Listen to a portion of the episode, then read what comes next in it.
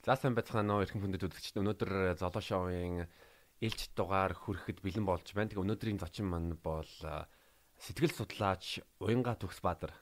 За сайн байцгаана уу бүгдэндний өдрийн мэнд хүргэе. За сайн Уянга. Ямар ч байсан урилга хүлээж аваад Золоо шоуд оролцсонд баярлалаа гэж хэлье. Баярлалаа. За сайн уу. За чамаар ойрхон сайхан юу та? Өө надаар юу ах вэ? Би ажиллаа хийгээ байж байна. Тэгэхээр би нөгөө лайв скот амьдралын сургууль яг ойртолцгаараа. За. За амьдралын сургууль гээд байгууллагатай. Тэгээд тэрнийхээ EQ-ийн сургалт сэтгэл хөдлөлөө удирдах чадамжийн сургалтууд хийдэг. Бас сэтгэл зүйн зөвлөгөө өгдөг. Тэр ажлуудаа хийж байгаа. За түрүү жил жаахан завсарсан юуны магистр докторийн сургуулиудад аплай хийсэн. Зөв. Тэгээд энэ жил 4 сар 5 сард гарах байх харин. Манай сонсогч нар бол уянгааг э, мэдгүй байж э, магадгүй. Гэхдээ бол уянгаа яг хэлсэн шиг э, амьдралын сургууль live live school-ийн үүсгэн байгуулагч мөн Aristoteles Cafe гэдэг нэг нэг уулзалтуудыг зохион байгуулж байгаа. А би чамтай яаж танилцсан бэ гэвэл би одоо чиний live school-ийн EQ emotional intelligence-ийн сургалтанд нь сууж сууж байсан. А тэгээ өөрийгөө ер нь бол хаана боловсрал эзэмшээд хаана амьдралынхаа тухай яриач микрофоноо жоохон яг ойртуулж ярихгүй бол бас сул сонсогдож магадгүй. За би мэдээж 10 жилийн бол дархны туркэд дуусгасан. За тэгээд дараа нь болохоор туркэд туркийн засгийн газрын тэтгэлэг аваад Анкарад очоод нэг жил турк хэлийг бэлтгэр хийж агаад 4 жил би Стамбул их сургууль сэтгэл судлаар дүүргсэн байгаа. Тэгээд ерөнхий сэтгэл судлаар дүүргсэн. За тэрийгээ дуусгачаад би магистраа болох юм бол Нидерландад Мастрихт их сургуульд neuroscience, cognitive neuroscience-аар нэг жил сурсан байгаа. Тэгээд дуусгаад Монголд ирээд сэтгэл судлалын институтад ажиллаж аваад 2016 онд юу Германы Max Planck институтэд судалгаа хийж агаад сэтгэл хөдлөл төр судалгаа Берлинд Берлинд сэтгэл хөдлөл гормоны холбоос төр судалгаа хийж агаад Тэгээд бас буцаж Монголд ирээд тэгээд лайв скул бас үүсгэн байгуулад ингэ явж байгаа. Зүг. Лайв скулыг үүсгэн байгуулах шалтгаан ямар байсан? Ааха. Яг уу өнөөгийн нийгэмд бид нар боловсрал гэхээр 10 жилийн одоо боловсралыг харъя л да тий. Дандаа л тий ер нь ингээл тий цээжилсэн тэгээд физик, хим, эм гэдэг хил мэл гэл юм юмуд ордоо шүү тий. Тэгээд ингээ харахаар яг мэдээч тодорхой хэмжээнд тэрүүл хэрэгтэй тий би хэрэгтэйг нь нэзэж үгүйсэхгүй а гэхдээ амьдралдаас хэрэгтэй олон чадрууд байгаа штэ. Жишээ нь сэтгэл хөдлөл түүнийг удирдах тий бустай харилцах амгалан тайван байх тий нэг иймэрхүү чадрууд бол бидний өдөр тутам хэрэгтэй гэдэг хэвхэв ийм чадруудыг бид нэр хүүхдүүдэд суулгаагүй. Хинт ч юу бид нэр суулгаагүй тий тэгэхээр ийм имийг бид нар яагаад суулгаж болохгүй гэсэн үднэс л амьдралын сургууль гэдэг байгууллагыг байгуулсан. Тий тэгээд түүнээс үдэд үйл ажиллагаагаас явуулж байгаа. Ерөөсөө л хүний сэтгэл зүй, сэтгэл санаа, харилцаа аа тэгээд ерөөхдөө сэтгүүг зүй удирдах тий эдгээр чадамжуудыг сайжруулах гэсэн зорилготой байгууллага байна. Зөв. Чи бас нэг постн дээр бичиж байсан чи өөрөө хувийн болон улсын сургуулиудын хүүхдүүдтэй ажиллаж байсан. Тэгээд ер нь хувийн сургууль сургууль болон улсын сургуулийн хүүхдүүдтэй ажиллахад ер нь чамд ямар одоо дурсамж үлдсэн бэ? Тэр талаар. Тийм би юу сэтгэл судлалын институтад ажиллаж байхад болох юм бол энэ захын сургуулиудын таван сургуульд би зөвлөгөө өгсөн байхгүй юу. Тэгээд харахаар угаасаа орчин нөхцөл тий орж байгаа хичээлүүд нь шал өөр. А дараа нь би болохоор British сургуульд зөвлөгөө өгч исэн. За тэгээ бас хувийн сургуулийн олон хувийн сургуулийн хүмүүс зөвлөгөө өгдөг одоо ч гэсэн тий. Тэгээд ингээд харахаар зөрүүг нь харна шүү дээ тий. Тэгэх юм бол British сургууль дээр болох юм бол Cambridge-ийн сургуульттай Тэгээд үзэж байгаа хичээл хичээл нь шал ондоо айгүй гоё англи хэл мэдлийг орцсон хажуугаар нь science гэж шинжлэх ухааны хичээл орцсон айгүй гоёор зааж байгаа байхгүй юу? Тэгээд туршилтууд хийдэг тий. Тэгсэн чинь манай хөрхийн улсын сургуулийн тий энэ яг захын сургуулийн хүүхдүүдийг харсан чинь хичээлийнх нь юунууд хүртэл айгүй хоцрогдсон тий бүр хэдэн жилийн өмнөх материалаар заагаад байгаа юм би гэмээр зааж байгаа.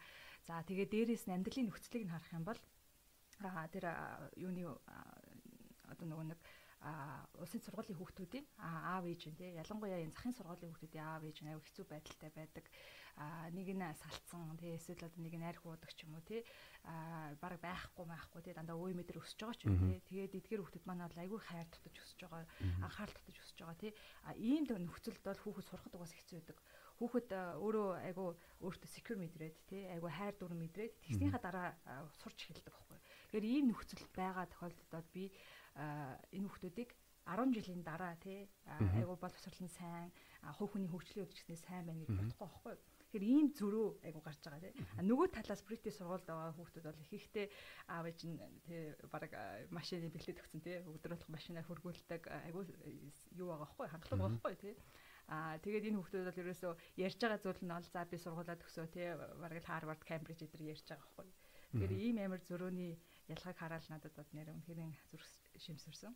Өөрөөр хэлбэл чи хоёр орчин харсан. Нэг орчин нэг нэг орчинд нь бол аюулгүй байдал хангагдаагүй. А дээрэс нь мэд хүүхдүүд нь одоо тийм хай хайрын хайр мэдрээгүй орчинд аюултай аюултай орчинд өсөж байгаа нь. Трама өндөртэй орчин гэсэн үг шүү дээ. Ер нь бол яав ээж нь бол сэтгэл зүйн хувьд тэг хүүхдүүдэд хайрлах тийм чадваргүй аав ээжтэй яг хөө бүгднийг нэг хэлэхгүй л юм биш тий тодорхой хэмжээнд их хэмжээгээр тийм хүүхдүүд байгаа гэж хэлнэ тий тэр сургуулиуд их хэмжээгээр тийм хүүхдүүд байгаа. Хувь нь бол нэлээд өндөр байсан. Тийм.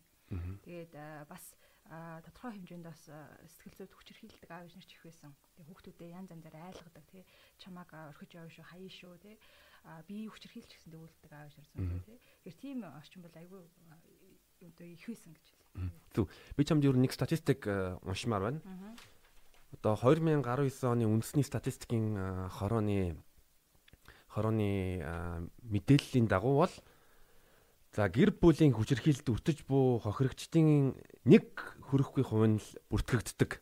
Аа. Монголд бол амьдралын туршид бол 3 эмэгтэй тутмын нэг хүчирхийлэн ямарваа юмд өртдөг. А сүүлийн 12 сард бол 10 эмэгтэйний дунд нэг эмэгтэй бол одоо хүчирхийллийн хэлбэрт өртдөг.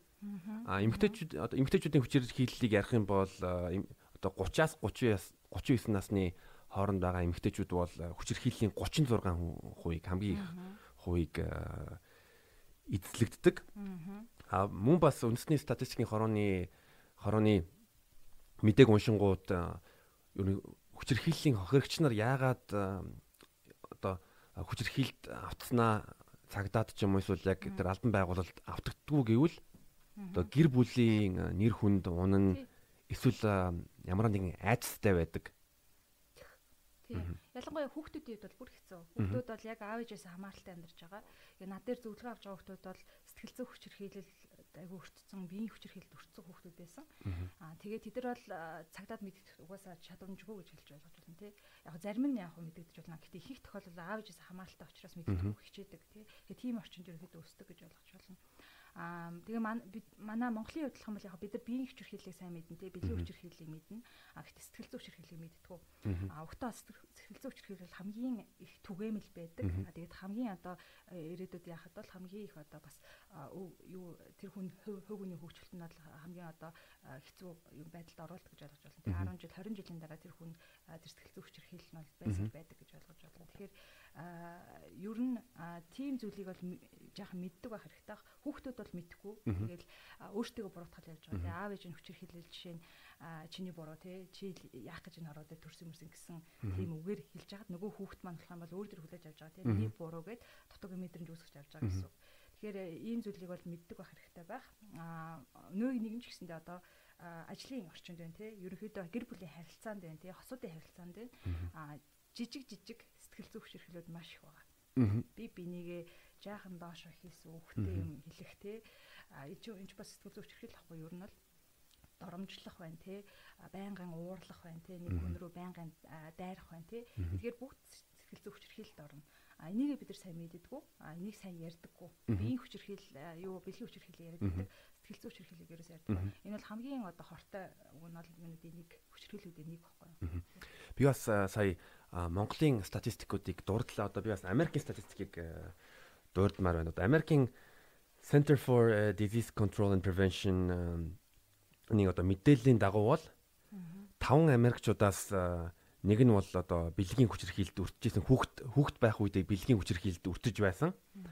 А дөрөв Америк дөрвөн Америк хүүхдийн нэг нь бол аав аав ээжийнхээ аль нэг нэгнээр бол одоо биеийн дарамтанд хүчирхийлэлд орж байсан. А өөрчн бол юу? Гурван хосуудаас нэг нь бол нэг нь бол одоо биеийн хүчирхийлэлд автдаг. А тэгэнгүүтээ бас Америкийн Америкчуудын 25% нь бол одоо архины архины донтолтой одоо хамаатан садны садны садантай хамт ингээ өсдөг байсан өссөн а мөн Америкчуудаас 8 Америкчуудаас нэг нь бол ээжига одоо биеийн хүчирхийлд өртөж байгааг нүдээр харж харсан байсан. Тий, тий. Би бас сая сайхан судалгаа хийсэн. Монгол судалгаа хийсэн байгаа. Яг наа чин болохоор нөгөө нэг юу бах Дэлхийн эрүүл мэндийн байгууллагаас гаргацсан юу гэж байгаа травмаг тодорхойлох тий таны амьдралд тохиолдсон олон травманууд байгаа тий янз бүрийн траума байж болцшгүй байх травмануудыг тодорхойлох тийм тест гэдэг. Тэргээр би сая саяхан 180-аад хүн дээр Монголд 180 залуучууд дээр хийсэн 18-аас 35 насны залуучууд. Хэд наснаас? 18-аас 30. 18-аас 30. Тэгээд 170-аад хүн судалгаа хийсэн байхгүй юу? Тэгээд ингээд харсан чинь би яг тэр нөө биеийн хүчирхийллийг харж байгаа, юуг харж байгаа, бэлгийн хүчирхийлэл, тэгээ сэтгэл зүйн хүчирхийлэл харж байгаа. А тэгээ дээрэс нь бол бас нөгөө нэг ээж аав нь арх эсвэл юунаас дон хамааралтай тийм үү тий тэд нар чи бас хүнд яадаг сөрөг үйл явдлууд тахгүй трама үүсгэж болцшгүй сөрөг үйл явдлууд тий бидний сэтгэл зүйд сөргөөр нөлөөлж болцшгүй сөрөг үйл явдал. За бас хоёулаа яг энэ яриаг бүр цааш цааш одоо өрнүүлэхийн өмнө бас үзэгчд мэдгүй байж магадгүй. Траума гэж э, юу юм бэ? Тэрийг тайлбарлаад өгөөч. За, траума гэдэг нь болох юм бол юу вэ гэвэл за, ер нь бол танд тохиолдож байгаа ямар нэгэн сөрөг үйл явдал гэхдээ танд тохиолдоод тэр үйл явдал нь таны бие, сэтгэл зүйд сөргөөр нөлөөлж байгаа үйл явдал гэж ойлгож болно. А хөнгөн хэлбэр нь байж болно. А хүнд хэлбэрүүд байж болно. Травмаг бол дотор маш олон хуваадаг. А за миний одоо яриад байгаа трама гэж хэлээд байгаа юм бол хөвшлийн трама буюу та хэрвээ таны сэтгэл зүйд сөргөөр нөлөөлөх орчинд өссөн бол тэг гэр бүлд өссөн бол тэр нь таныг 20 гараад гэр бүлээсээ гараа явцсан ч гэсэндээ 30 30 үед ч гэсэндээ таны биед байгаад таны өдөр тутмын амьдрал чинь сөргөөр нөлөөлж байгаа бол энийг хөгжлийн трама гэж нэрлэж байгаа. А эсвэл бүр зүгээр нөгөө нэг юу гинтийн трама гэж байгаа шүү дээ. Тэр болох юм бол магадгүй та осолд орлоо гэж байдаг тийм. А тэндээс үлдсэн а таны систем чинь итгэвчдэг гэсэн үг тийм стрессний систем чинь хитрхи итгэвчээд а тэр систем чинь буурхаа буурахгүй байгаа үед а тэгээ таны өдөр тутмын амьдрал чинь сөргөөр нөлөөлж байгаа үед энийг болох юм бол гинтийн трама гэж нэрлэн. Тэгэхээр хөгжлийн трама гинтийн трама. За бүр цаашлаад бүр нийгмийн трама гэж байгаа. Коллектив трама тэрийг яриад явах? Эхлээд ямарсан шиг байна тийм. За тэгээд нөгөө судалгаа нь тэгээд э, тэгээ би судалгаа хийгээд харсан чинь А энэ энэ олон юмнуудыг харж байгаа. Тэгээ манай Монголд залуучдын хувьд хамгийн түгээмэл нь сэтгэл зүйн хүчирхийлэл байсан. А сэтгэл зүйн хүчирхийлэлдээ сэтгэл санаагаар жаахан яах те доромжлох доошоо хийх янз бүрийн үг хэлэх те нөгөө хүндээ сэв сулгах янз бүрийн үг хэлэх тийм орчинд өссөн хүмүүс хамгийн түгээмэл нь тэр байсан. Аа тэгээ дээрэс нь аав ээж нь арх юм уу согтуулгандаас хамааралтай өндөр байсан. Аа тэгээ дээрэс нь бас салсан хүмүүсээс өндөр байсан тийм. Ерөнхийдөө энэ хэд өндөр байсан гэж хэлж болно. Аа биеийн хүчирхийлэл аа тэгээд бэлгийн хүчирхийлэл бол арай бага байсан гэж хэлж болно тийм. Вау. Аа яг бүр дуусгаг байгаа тэр юу судалгаагаа. Тийм тэгэхээр дуусгасныхан дараа би бас бүр статистиктэй илүү дэлгэрэнгүй тайлбарлана. Тийм. Энэ судалгаа судалгаагаа хийж эхлээд хэр удаж байгаа юм? Судалгаагаа хийж эхлээд би чи нэг 8 9 сард хийсэн тийм. Юу дата маань цугласан байгаа. Аа тэгээ одоо болох юм бол бичих үйл явцтай явж байгаа гэж ойлгож байна. Тийм. Тэгээ би дуусгачаад яг юутай тоотой юу хувьтай тий. Бүр дэлгэрэнгүй тавина. За чи чи ягаад ер нь траума болон одоо mindfulness-ыг монголоор юу гэж орчуулах вэ? За mindfulness болохоор монголоор бол яг vipassana бясалгалын нэг төрөл гэж байна. Vipassana бясалгал гэж ойлгож Ягаад энэ хоёр чиглэлээр э, мэрэгших судлах сонирхол э, төрсэн бэ? Траума болон mindfulness. За, ер нь миний хувийн сонирхол доо.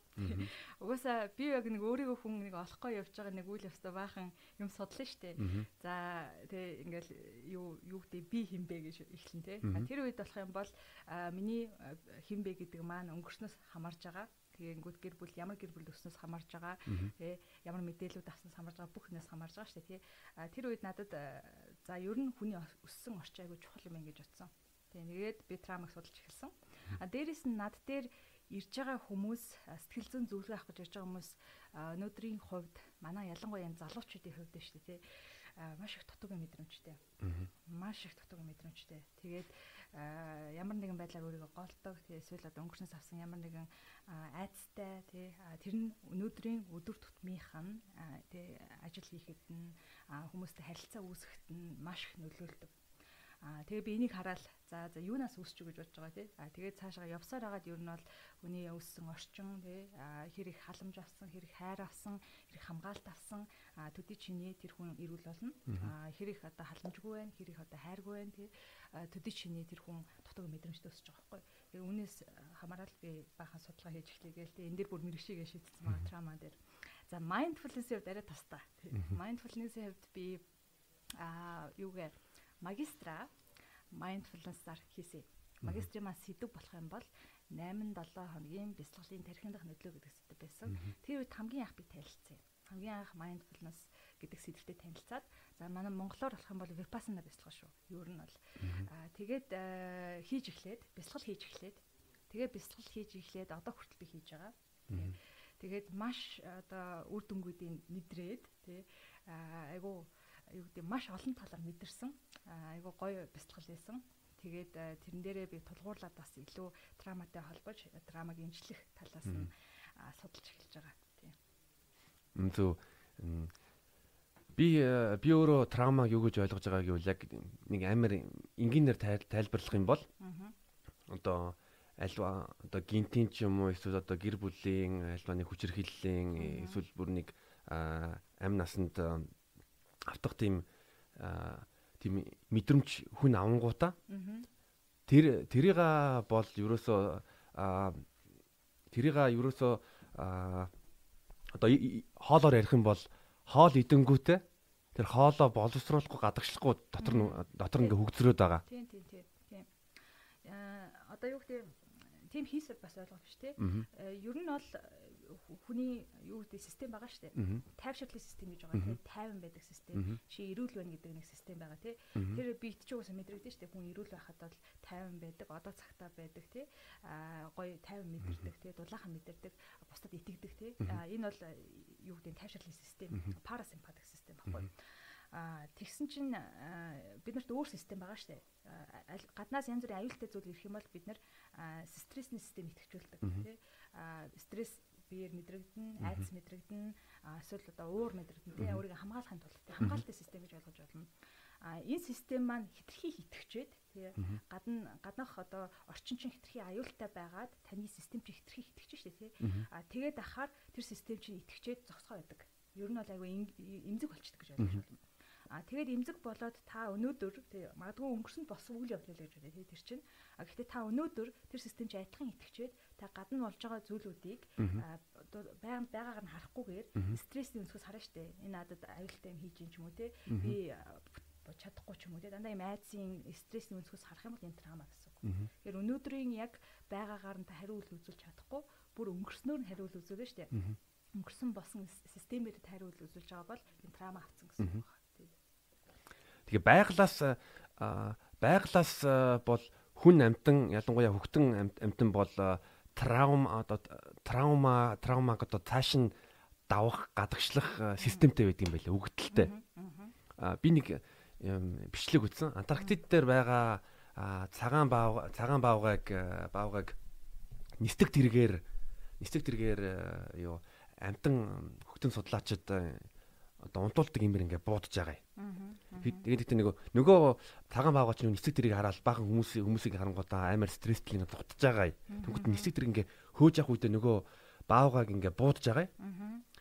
Тэгээ нөгөө баавгаа чинь яг имээр тариулангуудаа сүулт нь яг ингээ сэрж эхлэнгүүт нь эмчнэр одоо тэр амтан судлаач нь ярьж ирсэн. Энэ одоо одоо стрессээ гадагшуулж байгаа гэвэл амар чичрээл би ингээд хөвтөнгүүд ингээд чичрээл чичрээл чичрээл чичрээл Тэгээд хамгийн сүүлд нь бол нэг сонин дугаарангууд амар гүнзгий амсгалж эхэлж байгаа юм.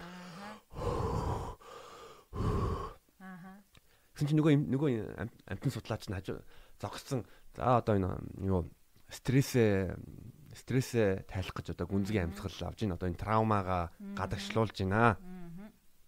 Би тэрийг үзээл байгаль бол үнэхээр гайхамшигтай юм а. Яг тэгвэл биднэрт биднэрт одоо стрессээсээ травма хэцүү аюултай аюултай асуудалтаас бас энэ стрессээ тайлах механизмууд бол бий болгосон. А гэтээ энэ дэр бол амигдала гэдэг өөрөөр хэлбэл монголоор үнчин тарих гэж хэлж билүү. Бас хамгийн одоо настай тарих тарихны хэсгүүдийн нэг. Яг одоо чиний ярьсан шиг амигдала чинь юу хариуцдаг вэ? Гэвэл одоо англиар ярьдаг flight, fight or freeze. Тэгээд эсвэл өөрийгөө эсвэл зүхтэн, эсвэл довтлон, эсвэл хүлдэх. Тий. Яг тэр систем итгэж байгаа гэсэн үг. А юу яг хөө ингэ нүд чи үлдсэн гэж байгаа шүү дээ хүмүүс үлдсэн гэж гарахгүй байгаа гэдэг шүү дээ тий. Наа чи болохоор freeze ахгүй хүлдсэн гэсэн үг тий ерөөхдөө яг систем чи итгэвчлээ. Тэнгүүт бид нэр тэр үедээ яг хариу үл үзүүлэхгүй те. Гүүгээрээ энэ эволюцийн үеч ухаалаг штэ те. Гүүгээрээ гэдэг юу гэдэг багхгүй те. Дахиад өгөн те. Эсвэл одоо өөрийгөө хамгаалаарай гэдэг. А тэр үед нь хүний хувьд болох юм бол хийхдээ тэрийг үзүүлдэг байхгүй. Гацаана гэсэн үг те. А тэгээд гацаад тэр систем гацаад трама ихэнхдээ гацаад үлдчихдэг. А тэгээд тэндээсээ болоод ерөөсөө итгэвчихгүй байгаад өнөөдрийн байдлаар тэрийг тэр систем тэр энерги чиндээ танд байгаад тэр тэр энерги та энэ ертөнцийг харж байгаа бол одоо цагийг яг тэгж харж байгаа бол трама үлдсэн гэсэн үг. Бас нэг сонирхолтой факт гэвэл э, одоо Африкийн газела гэж янгэр гэж хэлэх юм уу? Африкийн янгэр. Африкийн нөгөө янгрыг нөгөө бар ингээ хүн хөөх үед тэр э, бар ингээд хөөж яхад нь ингээд э, тэр янгэр баригдангуудаа биеийн дотор нь тэр хүлдэх механизм идэвчдэг. Аа. Хамгийн юм гэвэл тэр юу ягаад тий гүхгүй болоод нэг юм юу яд штэ тий. Тэр хүлдэх тэр хүлдэх модондоо орчих юм бол тэр бар итсэн ч гэсэн юу ч ямар ч үдэл ерөөс юу ч мэдэрдэггүй мэдэрдэггүй юм байна. Аа. Нэг тий. Аа.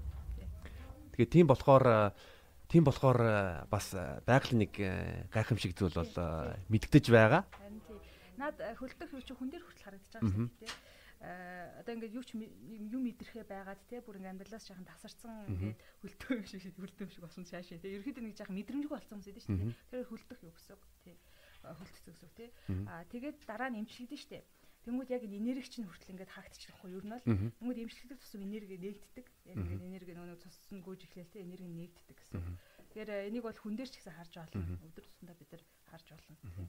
Бас нэг айхтар юм гэвэл э, одоо энэ Bessel Bessel van der Kirk гэдэг Голландын судлаач The Body Keeps the Score гэдэг ном гаргасан. Энэ бол энэ хүн бол травмаг 30 жил судалсан. Би энэ номын одоо 30% дээр нь явж байгаа. Бид энэ номыг уншаад бол зөндөө юм сурж авсан. Бас нэг айхтар юм юм юу вэ гэвэл одоо бэлгийн хүчирхийлэлд хүүхд хүүхд байхдаа бэлгийн хүчирхийлэлд өртөжсэн одоо бяцхан охтууд яадаг байсан бэ гэвэл яг ингээ хүлдэнгүүтэй өөрөө байхгүй байгаа юм шиг тийм тийм мэдрэмж авдаг байсан байлээ. Тийм тийм тийм. Аа. Тэнгүүт яг өөрөө нэг байхгүй юм шиг нэг тийм хүлж яг энэ яг тэр янгир шиг ингээ хүлдчихдэг. Тийм. Ер нь өөрийгөө яг нэг жижигсдэг жижигсгдэг те янз бүрийн зүйлээс байхгүй байхыг хичээдэг те а тийм юу хүмүүс болох юм бол яг тэр нэг юу системийн тийм байх гэсэн хүлцсэн байгаа гэсэн а яг наад номын чинь би бас уншаад ямар гоё юм гэж бодож байсан. Тэгээд яг энэ ном дээр бол ингэж аа яг хоо яриа байна штэ. Зүгээр л ярих те тэр юу бол тийм амир имчилгээ болохгүй. Яагаад гэвэл энэ систем чинь бүр ингээд бүр арталт нь тий бүр энэ сэтгэл хөдлөлийн хэсэг гэдэг байгаа юм. Дата энэ доотлын хэсэг байгаа тий. Энэ юунуудад хадгалагдсан байгаа гэсэн үг тий. Тэгэхээр аль болох биеийн шинжтэй тийм имчилгээнэр хийх юм бол тий биетэй хамтарсан бүр йога байна тий бясалгал байна. Бясалгал яг энэ хумсргүүр ордог байхгүй юу? Ер нь яг хадгалагдсан юмруу ордог бүжиг байна. Бүжиг. Яг тийм имчилгээний бүр яг тийм юмнууд хийх юм бол энэ артлын юу гэж байгаа аа тэр юуг нь арчиж ямар ч энэ одоо систем байгаа шүү дээ тий. Энэ системээр ингэж юу яадаг тэр нь дулаацч эхэлдэг. Одоо юу фриз болсон хөлдсөн байл гэж байна тий. Тэнгүүт тэр нь нэгдэж эхэлдэг гэж ойлгож байна. Тэгээ тэр энерги юу нэгдэж эхэлдэг. Тэгэхээр тийм имчилгээнээр илүү тохирох юм байна гэж надад хүн чинь бол хэлсэн байлээ. Надад ч гэсэн яг тэгж санагдаж байгаа. Тэгээд хүмүүс зөвлөгөө өгч хахад яг яриагаараа тэгээ ярианы имчилгээнээр дайжгүй. Гэхдээ бүр цаашлаад хүний бүр дотор нь суусан тэр биеийн бие дотор байгаа системийг өөрчлөн гэдэг бол бас илүү бие дээр төвлөрсөн эмчилгээнээр тохиолдсон. А тэр утгаараа би бас одоо mindfulness гэдэг vipassana бяцлагтыг сонирхож эхэлж байгаа. 19 дэх зундчин ер нь Sigmund Sigmund Freud одоо одоо өвчтөн үйлчлэг үйлчлэгч нартайгаа яриад одоо сэтгэлээ яриад чи болсон бай яриад тийм имчилгээ байсан байсан гот 20 дугаар зуунд одоо имийн имчилгээ дамгаалж игсэн одоо Xanax ч юм уу Prozac юм янз төрөл бүрийн имээр а тэгтээ одоо бол одоо бол бид нар илүү их мэдээлэл байгаа. Тэг шинжлэх шинжлэх ухаан одоо сэтгэлийн заслаас гадна имийн имчилгээ мөн одоо йога, mindfulness ч юм уу энэ эднийг бүгдээрийг нь хослол бол ер нь нэг дээр нэмэх нэг тэнцүү 3 юм болоод байгаа байхгүй юу? Харин тийм тийм наа чин зүг зүг бас. Аа яг юунаас хамаарат тий. Аа янз бүрийн өвчтөөс хамаарат сэтгэл зүйн асуудлаас хамаарат ер нь бол одоогийн юу сэтгэл засалч нар бол бүх зүйлийг хослуулж байгаа. Эмигч хослуулна. Тэгээ им дундаа бас янз янз. Аа сүүлийн үед болох юм бол psychedelic юмнэр байна тий. Аа мөг эсвэл одоо аюхаска гэдэг байна тий. Тэд нар бол бас энэ яг хүний гүнд байгаа траумаг эмчилдэг тий. Тэгэхээр тэр бол Америкт бас баг багаар хууль ёсны олж эхэлж байгаа. FDA-ээр сүүлийн үед баг батлагдаад эхэлсэн. Аа үр дүнтэй батлагдаад эхэлж байгаа. Юунууд сэтгэл засаач нарсан тэрийг хэрэгжилж эхэлж байгаа. Аа нэмэх нь ярианы эмчилгээнүүд ороод cognitive therapy гэж байгаа ярианы эмчилгээнээр ороод аа тэгээд хажуугаар нь бас энэ биеийн эмчилгээ тий бие дээр төвлөрсөн яг энэ йога байна тий эсвэл одоо яг энэ нөгөө нэг саяны сэтгэл судлаач болох юм бол параянама гэдэг амьсгалын дасгалын хөвгт юм билээ. Яг л амьсгалын дасгалаар хүн урталтаа байсан бол мэдээлүүд нь арагшаага болж эхэлдэг. Тэгээ бүр арагшаага энэ ийшиг очиж эхэлдэг. А тэгээ тэр гацаа гаргах боломжтой байдаг. Тэгэхээр тийм юунууд хүртэл хийж гэж байгаа. Тэгэхээр олон төрлийн имчилгээ яг тэр хүндээ тохируулсан имчилгээнд хамаарат тий олон төрлийн имчилгээ хийж байна. Зүг. Бас нэг сонноос би саяхан манай нэг швед амьдардаг швед найзтайгаа чатлсан. Тэгээ мань хүн бас өөрөө саяхан өөрийн гэсэн нэг травма нуттай байсныг тэрийг яаж имжилсэн бэ гэвэл Америкт очоод MDMA тэгээд яриан заслыг хослуулад тэгээд маш өндөр үр дүнтэй болсон гэж надад хэлсэн. Харин тий. Яг хоо бид нар болохоор тий тэрийг хар тамхинд оруулаад байдаг шүү дээ. MDMA, ayahuasca, DMT тий тэдрийг болохоор жаахан мөөг тий mushroom-ыг хар тамхинд оруулаад байдаг. Яг үнэлэхэд тэд бол маш имжлэгч байцснаар тий маш сайн имжлэгч байцснаар гэж болгож болно. Сэтгэл зүйн юунд нөлөөлдөг, бид нөлөөлдөг. Янз бүрийн хаагдцсан тэр юу гэдэг байгаа тий тэр юунуудыг гадагшлуулдаг маш сайн имжлэгч байцснаар сүүлийн үед бол одоо хуулиар батлагдчихж байгаа. Тэгээ Америкт бол 1960-аад оны үед өгөн дөнгөж эхэлж исэн. Яг тэрнээс судалгаанууд эхэлж исэн. Аа тэгээд э, тэр үеэс хойш бол нэлээд олон нөгөө нэг Америкийн хиппинер гарч ирээд бид нар чинь нөгөө нэг жахад улс төрийн эсрэг гараад тахгүй юу. Тэгэл нэг та нар бидрийг тэгээ гэж ингэж ингэдэг. Тэгээд нэлээд олон хиппинер гарч ирээд тэгээд тэнгуүс шууд хамгийн хаацсахгүй. Тий. Яг бүр Америкийн Харвардын профессорууд байгаа. Одоо өнөөдрийн нэрээр болох Рамдас гэж нэртэй тэр профессор Альберт гэдэг хүн тэр яг psychoactive гэдэг энэ бодисууд дээр судалгаа хийгээд тэг энэ амар имчилэгч юм байна. Ер нь хүн болго хэрэглэх юм байна. Тэгээд тэгсэн чинь ер нь бол сүүл рүүгээ баахан хиппинер гарч ирээд тэгээд тэрийг болоод тэгээд тэр судалгааг бүр болцсоохгүй. Тэр тэр юуг нь лабораторийн ч гэсэн хаагаад тэгээд судалгаа болоод одоо болох юм бол сүүлийн үед а энэ судалгаа дахиж нэгдэж эхэлж байгаа. Хийгдэж эхэлж байгаа Америкт. Дахиж хийгдэж эхлээд өнөөдөр Джон Хопкинс бүр лаборатори нэгтсэн. Английн UCL-д бас лаборатори нэгтсэн. Тэгээд сэтгэл готрал, anxiety, тий янз бүрийн драма байна. Тэгээ тэр болгоны өвчтөй асуудалтай хүмүүстээр ерөөс нэг удаа хэрэглээд, хоёр удаа хэрэглээд хэр байх нүгэ харж байгаа. Тэгсэн чинь ер нь бол ер нь үр дүнтэй баг багаар батлагдчихж байгаа. Тэгээ яг бүр тэгээ 100% маа гэж хэлэх нь хайшин. А гэхдээ ер нь баг багаар бол эдгээр юунууд бодисуд маань хүний травмаг айлгадаг нь бол нэлээх батлагдаад явж байгаа гэж бодож байна. Тийм болохоор үзэгчдээ энэ подкастыг сонсоод мөгний тутан шүл хийж байгаарай. Болохгүй байлаа. Тэгж болохгүй. Зүгээр гадагшаа явбал та нар тий Amazon Amazon очил аюхаска хэрэглээрээ. Монгол яах вэ? Монгол яах юм бол шоронд орчих илүү байх шиг. Мм. Тэгээ миний бодлоор бол яг нөгөө одоо нийгэм зөвшөөрөгдсөн байгаа архин бүтээгдэхүүн бол болгондоо бол энэ бол хамгийн чиний яриад байгаа бодисуудаас бол илүү аюултай, илүү донтой. Арх бол ялангуяа аюу аюултай хүний биед байгаа хамаг юмнуудыг муутгадаг тий. А эдгээр бодисууд болох юм бол за жишээ машрум мөгийг харах юм бол харин ч эсрэгээр хүний ухамсарыг эсгдэг байхгүй. Ухамсар багасгадаг юунууд байгаа тий. Ухамсарыг хөлдөөдөг, ухамсарыг багасгадаг юунууд байгаа. Эсрэгээр ухамсарыг эсгдэг бодисууд гэж бас байгаа тий. Тэр ухамсарыг эсгдэг бодисуудыг хэрэглэх тусам эргүүлж гин гэсэн үг. Аа за сүүлийн яг энэ энэ бодисуудаас тусдаа зүгээр сэтгэл готролд хэрэглэдэг прозак гэдэг эмнэр үүдэг шүү дээ тийм. Тэд нар бас яг цагаат хамаар хүний хөлдөөдөг байхгүй. Хүний ингээд бүр ямар ч мэдрэмж болгочдөг байхгүй. А тэрийг эмчилж байгаа гэж хэлдэг. Тэгээ сэтгэл готролтой хүмүүс айгүй хэрэгдэг. Гадаадд манай Монгол яг баг хаяал нэг зарим нэг хүмүүс хэрэглэж байгаа шүү байна тийм. Энэ янз бүрийн нөгөө нэг эмнэлэгт очиод а тэгэхээр тэрийг хэрэглэсэн үед болох юм бол эмчлэгддэггүй зүгээр л тэр нөгөө нэг мэдрэмж байна те тэр нөгөө нэг гунигтай хэцүү мэдрэмжийг нь төлөвлөдөг гэж. Монгол нийгэмд бол сэтгэл зүйн салбар бол хөгжиж хөгжиж буй дөнгөж дөнгөж хөгжиж буй салбар байгаа. Тийм болохоор ер нь бол хүмүүс бол одоо барууны хөгжсөн орнууд шиг им зэм хэрэглэхгүй харин юу хэрэглэдэг гэвэл сэтгэлээ сэтгэлийн шаналлаа сэтгэлийн үүдэлтөө яаж яаж ангаадаг вэ гэвэл архиар ангаадаг. Харин яг тийм. Э тэгсэр байгаад сүүл рүүгээ бүр ухамсараад ортуулаад тийм бүр одоо ингээд харах юм бол нэлээд их тийм донцсон хүмүүс шүү дээ годамжаар л үрэн байна. Тэгээ бяцхан хунтаажийн нэг аригчин аригчинтай аригчинтай гараг дээр очдөг шүү дээ. Тэгээд асуудаг чи юу хийж байгаа юм? Би арих ууж гинөө. Яга арих ууж байгаа юм? Оо би мартмаар байна. Юу мартмаар байгаа юм? Би арих уудаг гэдэг. Яг тий. Угаасаа тэр хүмүүс бол архиар аргацааж гин тий. Аа одоо энэ нэг тамхиар аргацааж гин. За янз бүрийн одоо энэ бас компьютер донтох, сошиал медиа донтох гэсэн дээр бас нэг тодорхой хэмжээний арга зах хэлбэр тий. Янз бүрийн тэр дотор мэдрэмжээ гадагшлуулаагүйс болоод, эмчилээгүйс болоод бүхэл юмар аргацааж болно хүн тий. Намбин гэдэг тий. Гал унтрах гэхгүй гэсэн үг тий. Гал унтрах аргууд гэсэн үг тий. Өөрийнхөө доторх мэдрэмжийг трама авцсан бол тэр трамагаа эмчилж чадаагүйгээс болоод гаднаас ямар нэгэн авч юм авч хэрэглэх унтуулах юм хэрэглэх арх хэрэглэх тий тэр прозак янз бүрийн юм хэрэглэх тэгэл үерхэх хүртэл өдрөгээ тий юм нэг нэгэнтэй ингэж болцох хүртэл өдрөө заримдаа аргацах механизм бий болдог тий тэгэхээр бүх юмар ингэж аргацаагаад яваад байгаа гэсэн үг тий ихэнх хүмүүсийн хувьд бол тийм хүмүүс бол зөндөө байгаа Монголд. Тэгж айж байгаа траматай тэрийгэ аргацааж байгаа.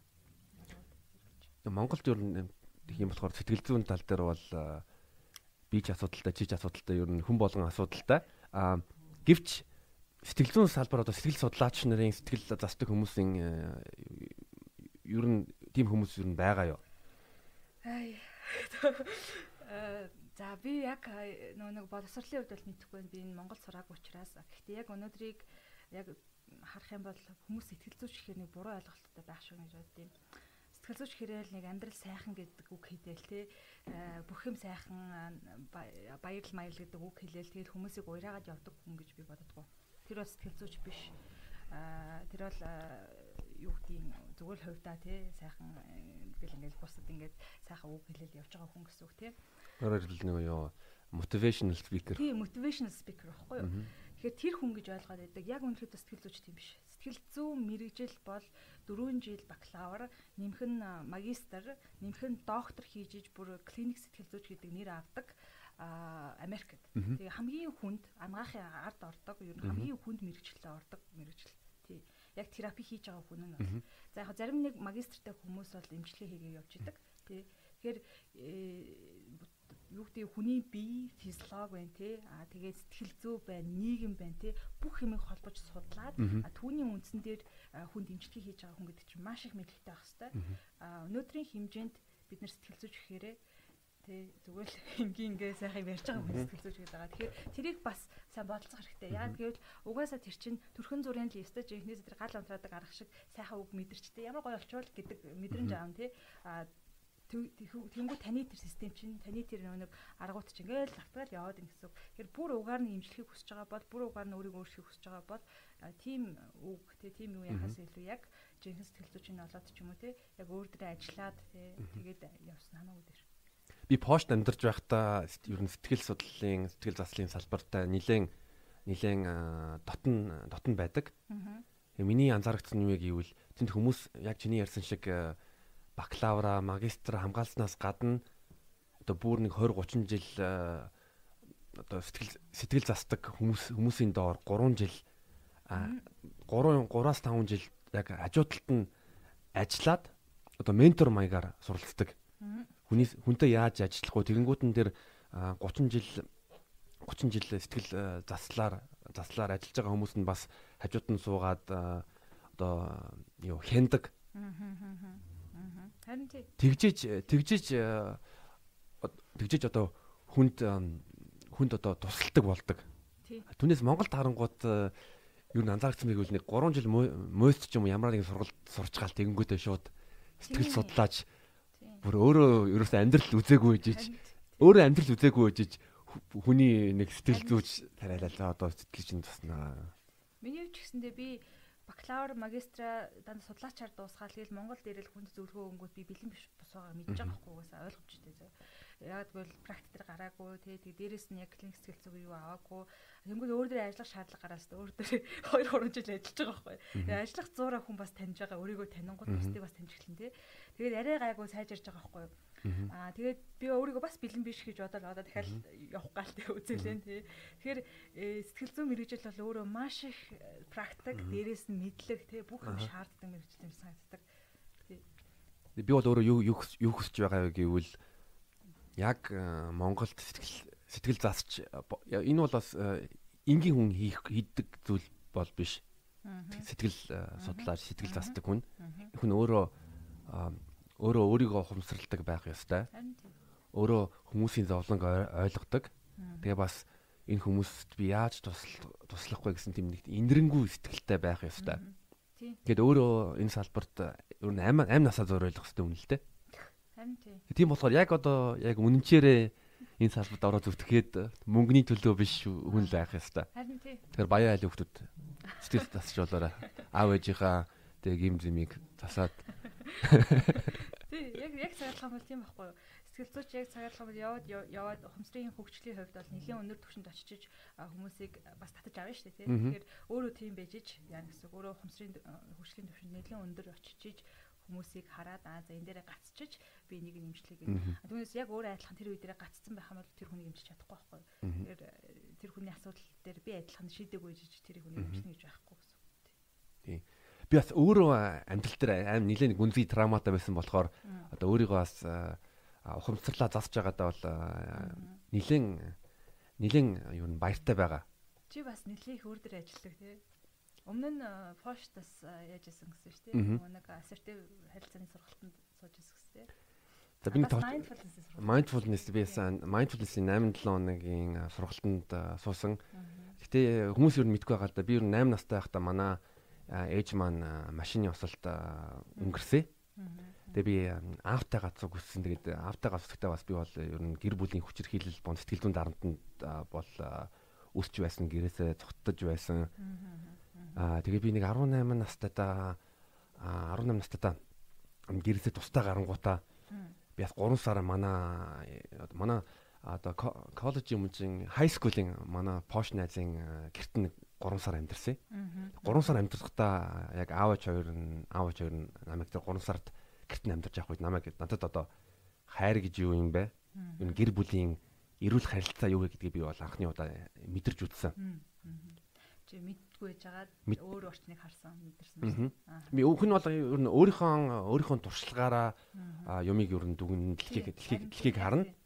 А тэгэнгүүт нь би яг тэр 3 сар манай бета гэдэг найзын гэртэн амьд амьдарч явах үедээ бол би ямар ямар одоо эрүүл биш хүчирхийллийн орчинд өссөн бэ гэдгийг ойлгож авсан.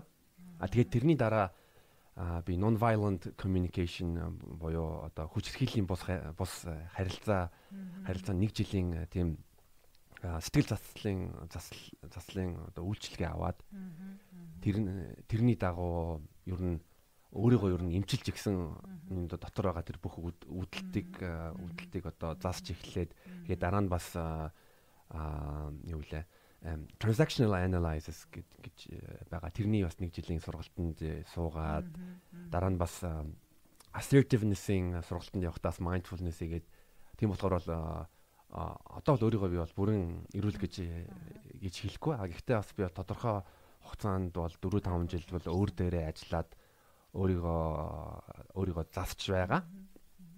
Харин тийм наа чи яг юу вэ те бидний тархи тархи шүү дээ. Яг үнэхээр ямар орчинд өссөн, ямар ертөнцийг харсан тэр хэмжээгээрээ угаасаа хөгжиж байдаг тийм. А тэгээд дараа нь бид нар ертөнцийг харлаа яг тэргээрээ ертөнцийг хардаг гэсэн үг. Яг тэгж харж ихтэн тий а яг ямар орчинд өссөн тэргээр ертөнцийг харж байгаа. Тэгэхээр имчилсэн тохиолдолд эсвэл өөрөө чи одоо анзаараад тий өөр чиний өссөн орчноос өөр орчин харангуудаа аа өөр орчин байд юм гэж анзаарсан тохиолдолд арай нэг юу болж байгаа тий. Аа за ийм байвал арай өөр байхаас ингэж имчлэгдэж эхэлж байгаа гэсэн үг. Тэгээ би одоо Posh Posh-ийн сэтгэл судлалын салбар бол бас мундаг хөгжиж байгаа бас мундгуудтай хамтарч ажилласандаа бол өөрөө маш их баярлж байгаа. Надад дийлийнх нь үн төлбөргүй үйлчлэг үзүүлсэн байхгүй юу. Тийм болохоор би тэр хүмүүстэй бол одоо хүртэл харьцаатай байнгын байнгын харьцдаг. Аа яг Монголд ирээд одоо 3 жил болж байхад би бас ер нь хүүхдүүдийг бодонгууд одоо гэр бүлийн хүчирхийлэлд өсөж байгаа хүүхдүүд энэ монгол хүмүүс бас бас л түүний сэтгэлийн засах тийм мэрэгчлэн хүмүүс байхгүй. А тийм болохоор эрүүл нийгэмд бол эрүүл иргэд хэрэгтэй болохоор энэ бас Монголын бас нэг хамгийн том хамгийн том асуудалтай салбаруудын нэг л гэж бодож байгаа.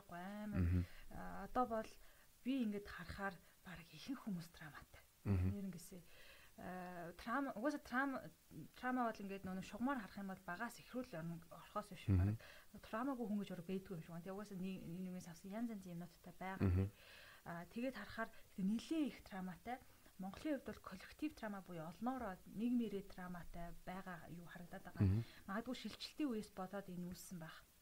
Аа бид нар чинь нөгөө нэг ингээл баахан нүүдэлчин байж байгаа л нэг их байгаль майхалтайгаа ойрхон байж байгаа. Одоо ингээл буцаад юу хотчоол тий тэгэл энэ шилжилтийн үеэс бид нар маш их identity өөрийнхөө юг алдаал өөр шин юу үүсгэж явж байгаа шүү дээ тий энэ юунаас гарсан юм гээд амар их драматай харахаар л дотроо нэг юмтай л хүмүүс харагдаад байгаа байхгүй юу? Айгу хэцүү байдалтай.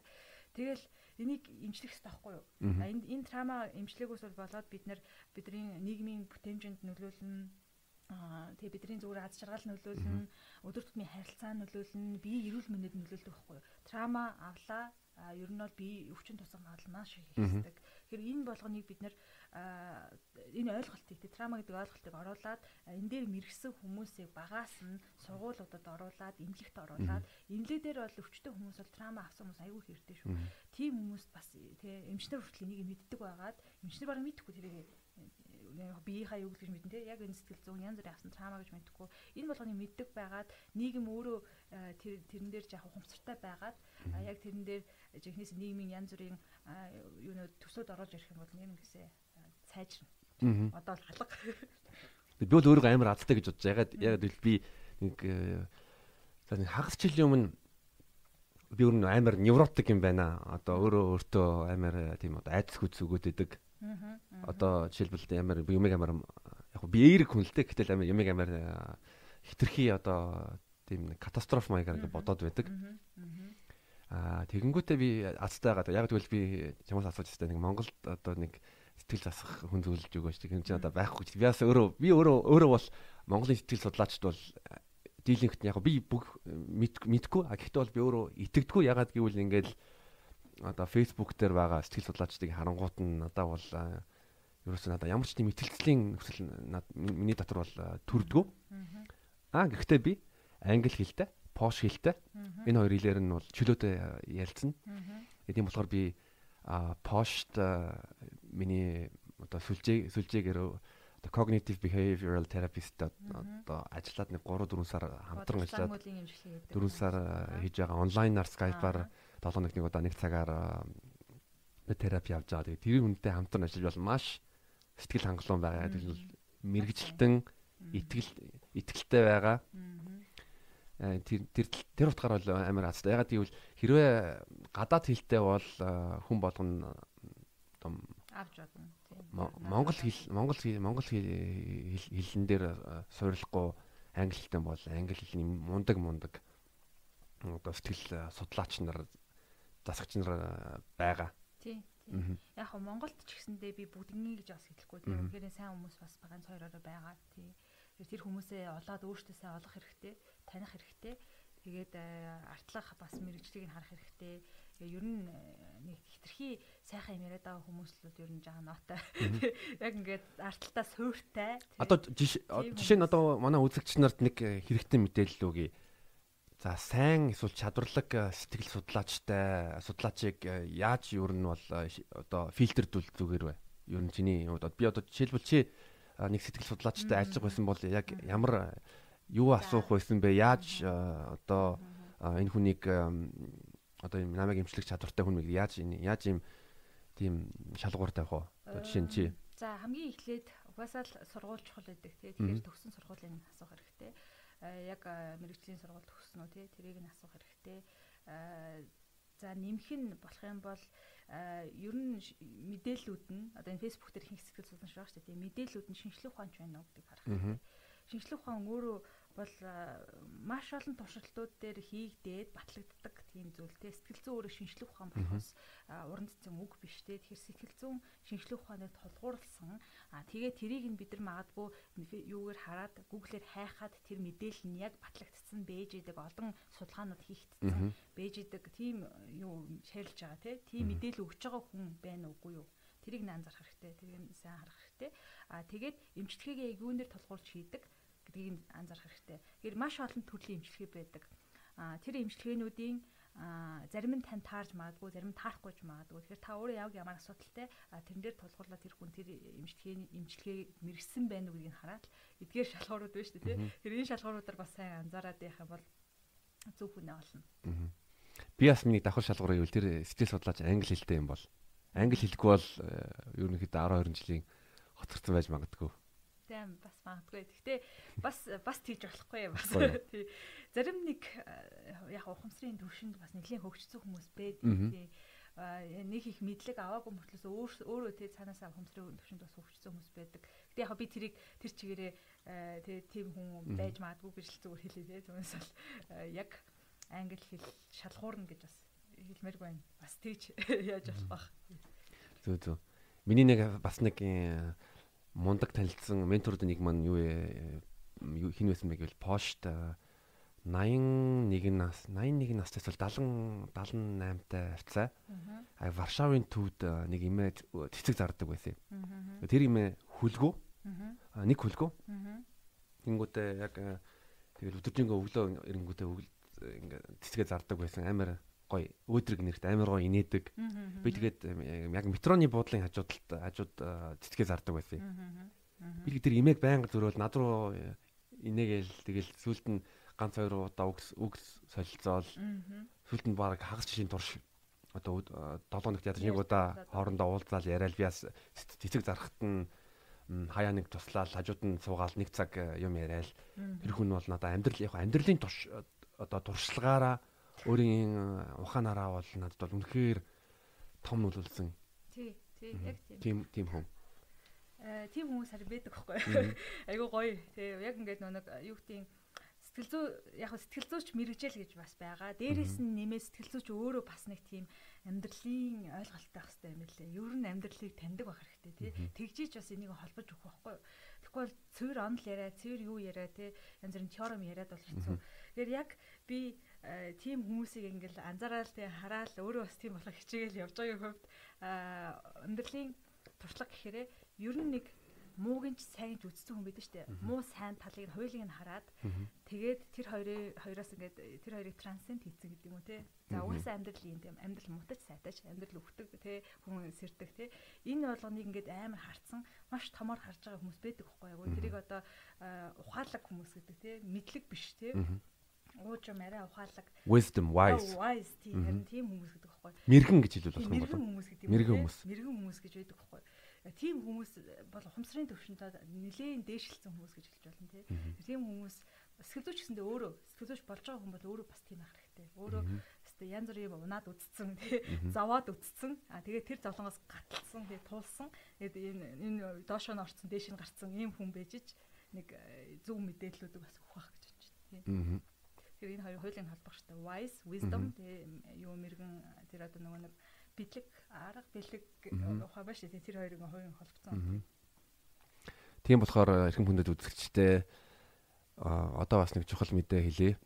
За яг одоо адтан тодруулна. Энэ энэ энэ подкастыг шеэрлсэн хүн болгоны дунд нь дундаас нэг хүнийг сонгоод манай мэрэгэн уянгаагаас нэг цагийн ихтгэл авнаа гэж ярихгүй юу? Тэгээ тэг болно болно. Тэг тэг. Энэ бол зүгээр юу сая байсан чи нэг монголчууд нэг мэрэг ухаанаас. Монголд Монголд нэг юм яваад байгаа. Хүмүүс одоо янз бүрийн юм зарангуудаа за үнийг шеэрлэнгууд тий адтан шалгаруулнаа.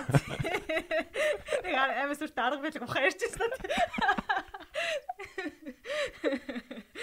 Тийм болохоор та яг одоо энэ подкастыг шеэрлээд шеэрлээд шеэрлээд адтан болж магадгүй шүү.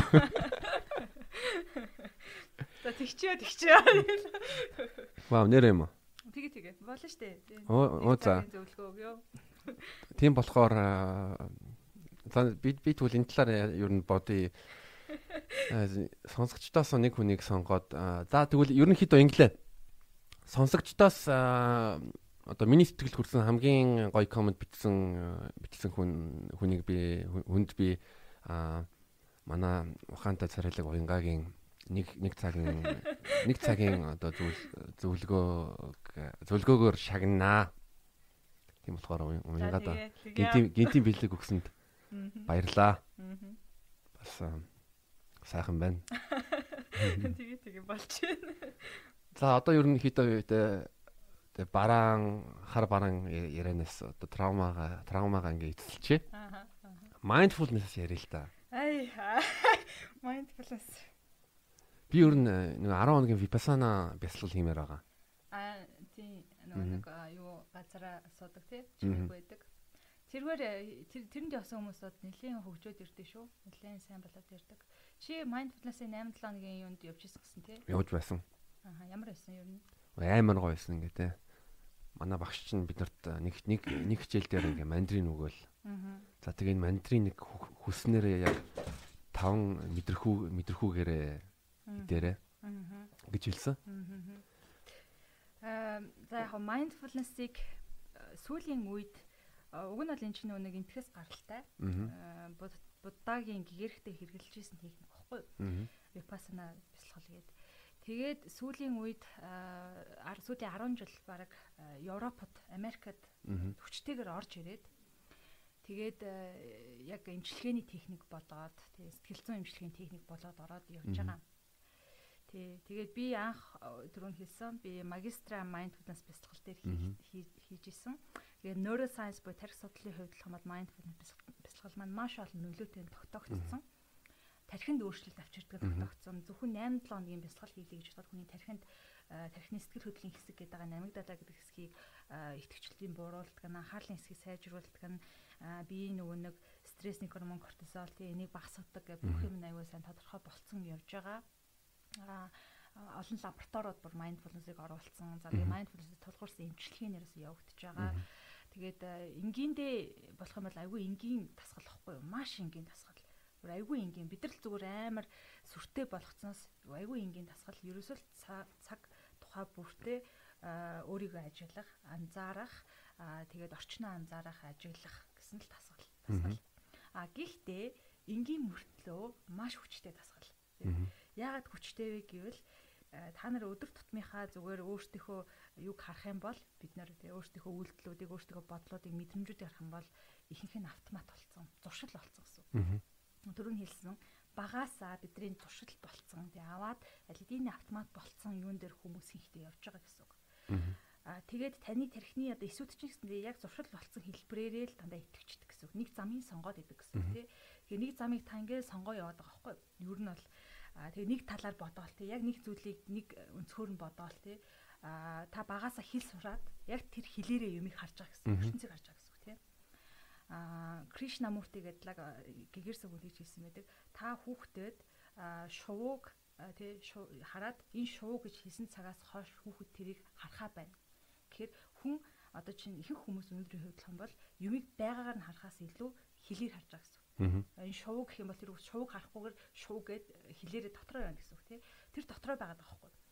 А өнөөдрийн байдлаар та юмыг байгаагаар нь буюу ертөнцтэй шууд холбогдож чадахгүй хилээрээ харж байгаа бол а тэгээ мэдрэмжээр сэтгэл хөдлөлөө тэгээ нэг багаас авсан янз бүрийн юм харж байгаа бол та энэ дотроо л байгаа гэсэн та яг одоогийн ертөнцтэй холбогдохгүй гэсэн үг. Тэгэхээр mindfulness бол яадаг вэ гэвэл таны энэ хэлээрээ харж байгаа юмнуудыг чинь болиулаад яг цаг тухайн цаг мөчөд байгаа зүйлийг байгаар нь харна. Буюу хоёрдуулахгүй харах тий. Янз бүрийн утга өгөхгүй зүйл би байгаар нь харна гэсэн үг. Та жинхэнэ байгаа байдлыг байгаар нь харна гэсэн үг. Хамгийн энгийн юу. А тэгтээ хийхэд хэцүү.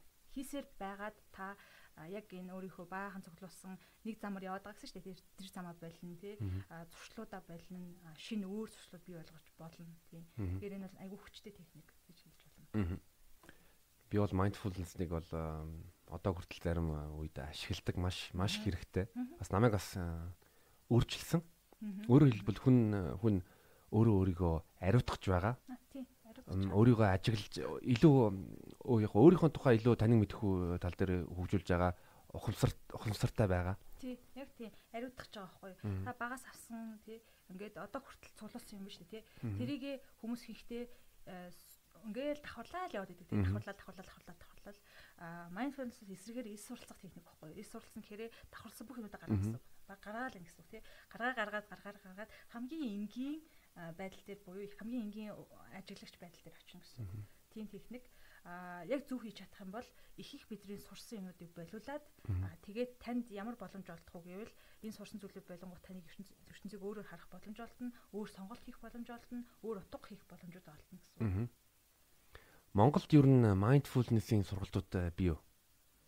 Аа яг бясалгалын сургалтууд байгаа шүү дээ. Чиний одоо очих гэдэг 11-ийн бясалгалын сургалт гэдэг байгаа тийм. Надад бол тэр айгүй үр дүнтэй юм санагдав. Тэн дээр суусан хүмүүс өөртөө ирээд хэлэхтэй болох юм бол аа эхний 3 хоногт бол өвч байгаа байхгүй юу? Ер нь хамаг нэг цуглаас юм гарч ирэл тий.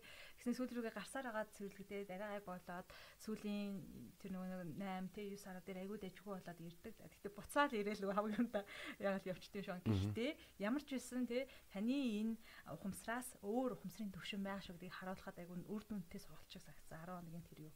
Тий.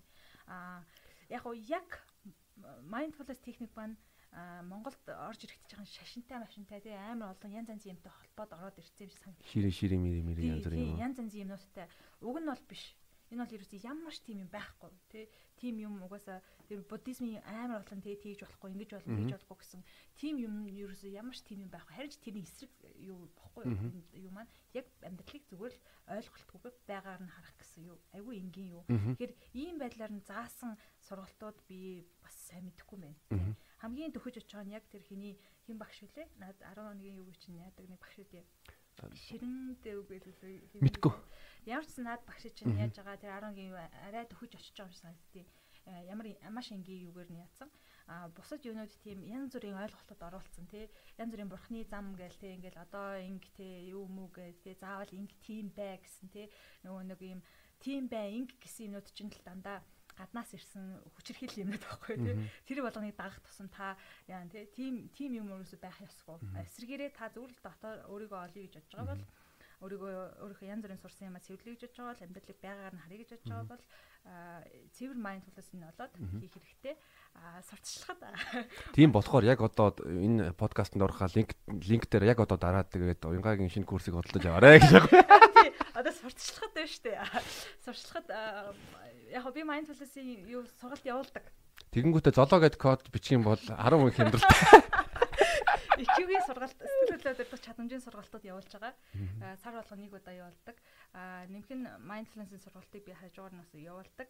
За тэгээд цаашлаад бас бясалгалын app бэлтэж байгаа. Утгагүй гарна. Манай би хоёр хүнтэй хамт нийлээд хийж байгаа. Утгагүй гарна. Тэгэхээр Тийм болохоор сард зөвхөн нэг удаа шүү. Яараарай. Яараарай. Өөр хүн энэ энэ сургалтанд ороод IQ-гээ хөгжүүлчих юм бол та яах вэ? Хоцорлоо шүү дээ. Тийм нэлээд олон хүн суудсан байгаа. Тийм. Би бас суусан шүү дээ. Нэлээд олон хүн суудсан байгаа. Бүгдээ аяг өсгөл ханамжтай байгаа. Тэгэхээр. За app app чинь амар сонирхолтой санагдаж байна. Тий, яг уу гараг болохоор нь шууд юу тий тийм гэж цаашаа. Гэтэ би хоёр найзтайгаа нийлээд хийж байгаа. Бясалгалын app өдөр тутамдаа хийж байгаа. Яагаад хийж байгаа вэ гэвэл угаасаа бид нар өнөөдөр ингээ харахад хүмүүс бүгдээ сэтгэлцээ бохирдсон тий. Тэгээд өөртөө сайн ойлгохгүй тэгснээр тэр нь гадагштаад бусд хүмүүс рүү хүрээд тий ингээ яваад байна. Тодорхой хэмжээнд бид нар бол биеийнхаа хэрэгцээг хангаж байна тий. Хоол хүнсээ сайн аваад хэрэглэж. Аа юугээ дасглаа сайн хийж байна тий. Тийм зуршлуултай А гэхдээ сэтгэл зүйн зуршил байдаггүй бид нар. Сэтгэл зүйн эрүүл мэндийн зуршил гэж байдаггүй. А биеийн эрүүл мэндэд болохоор маш их мөнгө зарцуулдаг бид нар тий. А биеийн тамирын хичээл хүртэл 10 жилд ордог. Гэхдээ сэтгэл зүйдээ анхаар анхаарах зуршил нэгч байдаггүй. Аа тэгээд сэтгэл зүйдээ анхаар зуршлыг бид нэр соёлоо соёл үүсгэх хэрэгтэй шүү дээ. Тийм соёл үүсгэх хэрэгтэй. Тэр өнцгөөс би соёл үүсгэх хэрэгтэй мэн гэж бодоод бясалгал угаасаа айгүй чухал. Бол хүний сэтгэл зүй амжилтдаг нэг техник. Тэгэхээр энийг заавал өдөр тутамд оруулмаар санагдаад тэгээ өдөр тутамдаа яаж вэ мэдээж бид нар юутай аптай тий уцтай тэгээд ап ашигладаг. Тэгэхээр өдөрт нэг 10 минут суугаад тэгээ өөрийгөө тайвшруулад энэ баг итгэж байгаа системүүдэд тайвшруулад тий аа тэгээд юмыг нэг ингээд илүү уучмаар тий илүү юугаар цэвэр харах юуг нь сайжруулах гэсэн зорилготой. Ерөөс 10 10 минутын тийм юутай ап хийж байгаа. Бэлтгэлтэй. Чиний хэлж байгаа бол би санал нийлж байгаа. Хоолны дэглэм гэж байгаа. Тэгээ одоо а юу junk food битгий дээрээ сахараас болгоомжил а тэгсэн мөртлөө сэтгэл зүйн дэглэм дэглэм байдаг уу? Ер нь хүнтэй харьцахдаа юу хязгаар хязгаар юу? Хэрвээ чамд одоо эвгүй мэдрэмж төрж байгаа бол тэр хүнд хэл одоо би одоо эвгүй би одоо чамтай яах тийм юм байд байдаг уу тий тийм зуршил тийм ойлголтууд ч байхгүй тий. Одоо болцоонд ч гэсэндээ үргэлт ч гэсэндээ тэд нар ч амар чухал байхгүй тий. Консент гэж ярьдаг. Юу гэдэг хэрэг ингүүл энэ хүнд болохгүй тий. Тэгвэл ингэн гэдэг нэг юм хязгаар байх хэвээр тий. Хувь хүний хязгаар гэж байх хэвээр тэрийг ч бид нар тавьж чадаагүй. Тэгээ ойлголцохгүй тий. Бүх юм дээр сэтгэл зүйн ойлголтууд юу нэг айгу ховор баг тий. Сэтгэл зүйн зуршлууд ч ховор Ер нь бид нар бол хүн гэдэг утгаараа Монгол ялангуяа монголч өөртөө хязгаар тавиад байдаг хайрт нэг Тэгж болохгүй ингэж болохгүй. Тийм. Гэхдээ ерөнхий бас нэг юу байгаа ш тас тий. Тэрийг бас зүг тавихгүй бол ойлго үр ойлголт үүсдэг байхгүй. Одоо саяны нөгөө нэг юу шүү дээ. Эмэгтэй хүний 5 минутаас их харуул яа яа ч нэг тийм юм. 30 секунд харах юм бол тэгвэл энэ бол бэлгийн бэлгийн дарамт. Тэгэхээр тэр нэг юу ойлголтууд чинь бас яг зөөрөн гарах. Би чамаасаа нилээн дарамтлсан байна. Тэгэхээр яг тэр тэр ойлголтууд айгүй эмзэг сэдвүүд тахгүй. Гэхдээ бас тэрийг зөв яагаад хязгаар мязгаарыг бас ойлгомжтой болгоод тий харилцааны юу вэ те энэ зуршлууд байна энэ зөв зуршлуудыг бий болгоод хин нэг нэг дорд үзэх те доошоо хийсэн үгээр харьцах марцах ч гэсэндээ ажлын юунд бол дарамтанд ордог байхгүй юу ер нь бол тэр мэрийгээ бас жаахан ойлгомжтой болгоод те ер нь яг энэ сэтгэл зүйн гэхээр ерөөсөө манайх ерөөсөө ойлголтгүй. Ингээл яваад ах шиг харагдаад байна. Зарим хүмүүс бүр дарамтанд байгаа гэдгийг мэддэг үү хэвэн байдал юм шиг. Тийм. Яг тэр дарамтанд орсон хүмүүс ч мэдэхгүй за хаста хосын харилцаан дээр ярих юм бол ёстой мэддэггүй юм байл яг ингээл над дээр ирэл асуудалтай гэл ингэнгүүд яг өөртөөс асуудал хайгаал гэсэн чи яг ингээд цагаатлах юм бол бас харилцааны дарамтанд орсон байгаа хгүй. Тэгээд тийм юм өндөр бол мэдхгүй яваад ах магадлал зөндөө. Вау энэ нилээн Америк ажил харагдаж байна. Гэтэ тэрийг гэтэ тэрийг хамгийн гол нь чи их болохоор би бол амар тайвширж байна. Мэдээж асуудал болгон боломжтой тий. Тэгэхээр саяны жишээ нь ярьсан тий баахан асуудлууд ярьлаа, нийгмийн асуудлуудыг ярьлаа. Аа бид нар тэр тэр болгон боломж. Тэгэхээр боломж гэдэг маань тэр болгон юу байна, маркет байна гэсэн үг, тэр болгон хийх ёстой зүйлүүд байна гэсэн үг тэр хэмжээгээр миний хийж байгаа зүйл бол ап тий. Ап маань ядаж хүмүүст өдөр тутамдаа нэг 10 минут өөрийгөө анзаарах тий юу өгөөд тэгээд ажиллах юу өгөөд нэг завсар өгөөд тэгээд тархиар жах имчлэх завсар өгдөг болоос гэж хийж байгаа. Утахгүй гарах хаа вау ап чинь тэсэн ядан хүлээж байна. Сонгол үеэр гаргах гоё юм шүү хизээлээ сонгolч одоо тун Тэг юу яах вэ? 4 5 сард гарчих байх гэж найдаж байна. Оо, удахгүй юм байна. Тийм, гэхдээ эхлэн л дөнгөж тий. Тэгэл үргэлжлүүлээд контентууд нэмэгдэн гэсэн үг.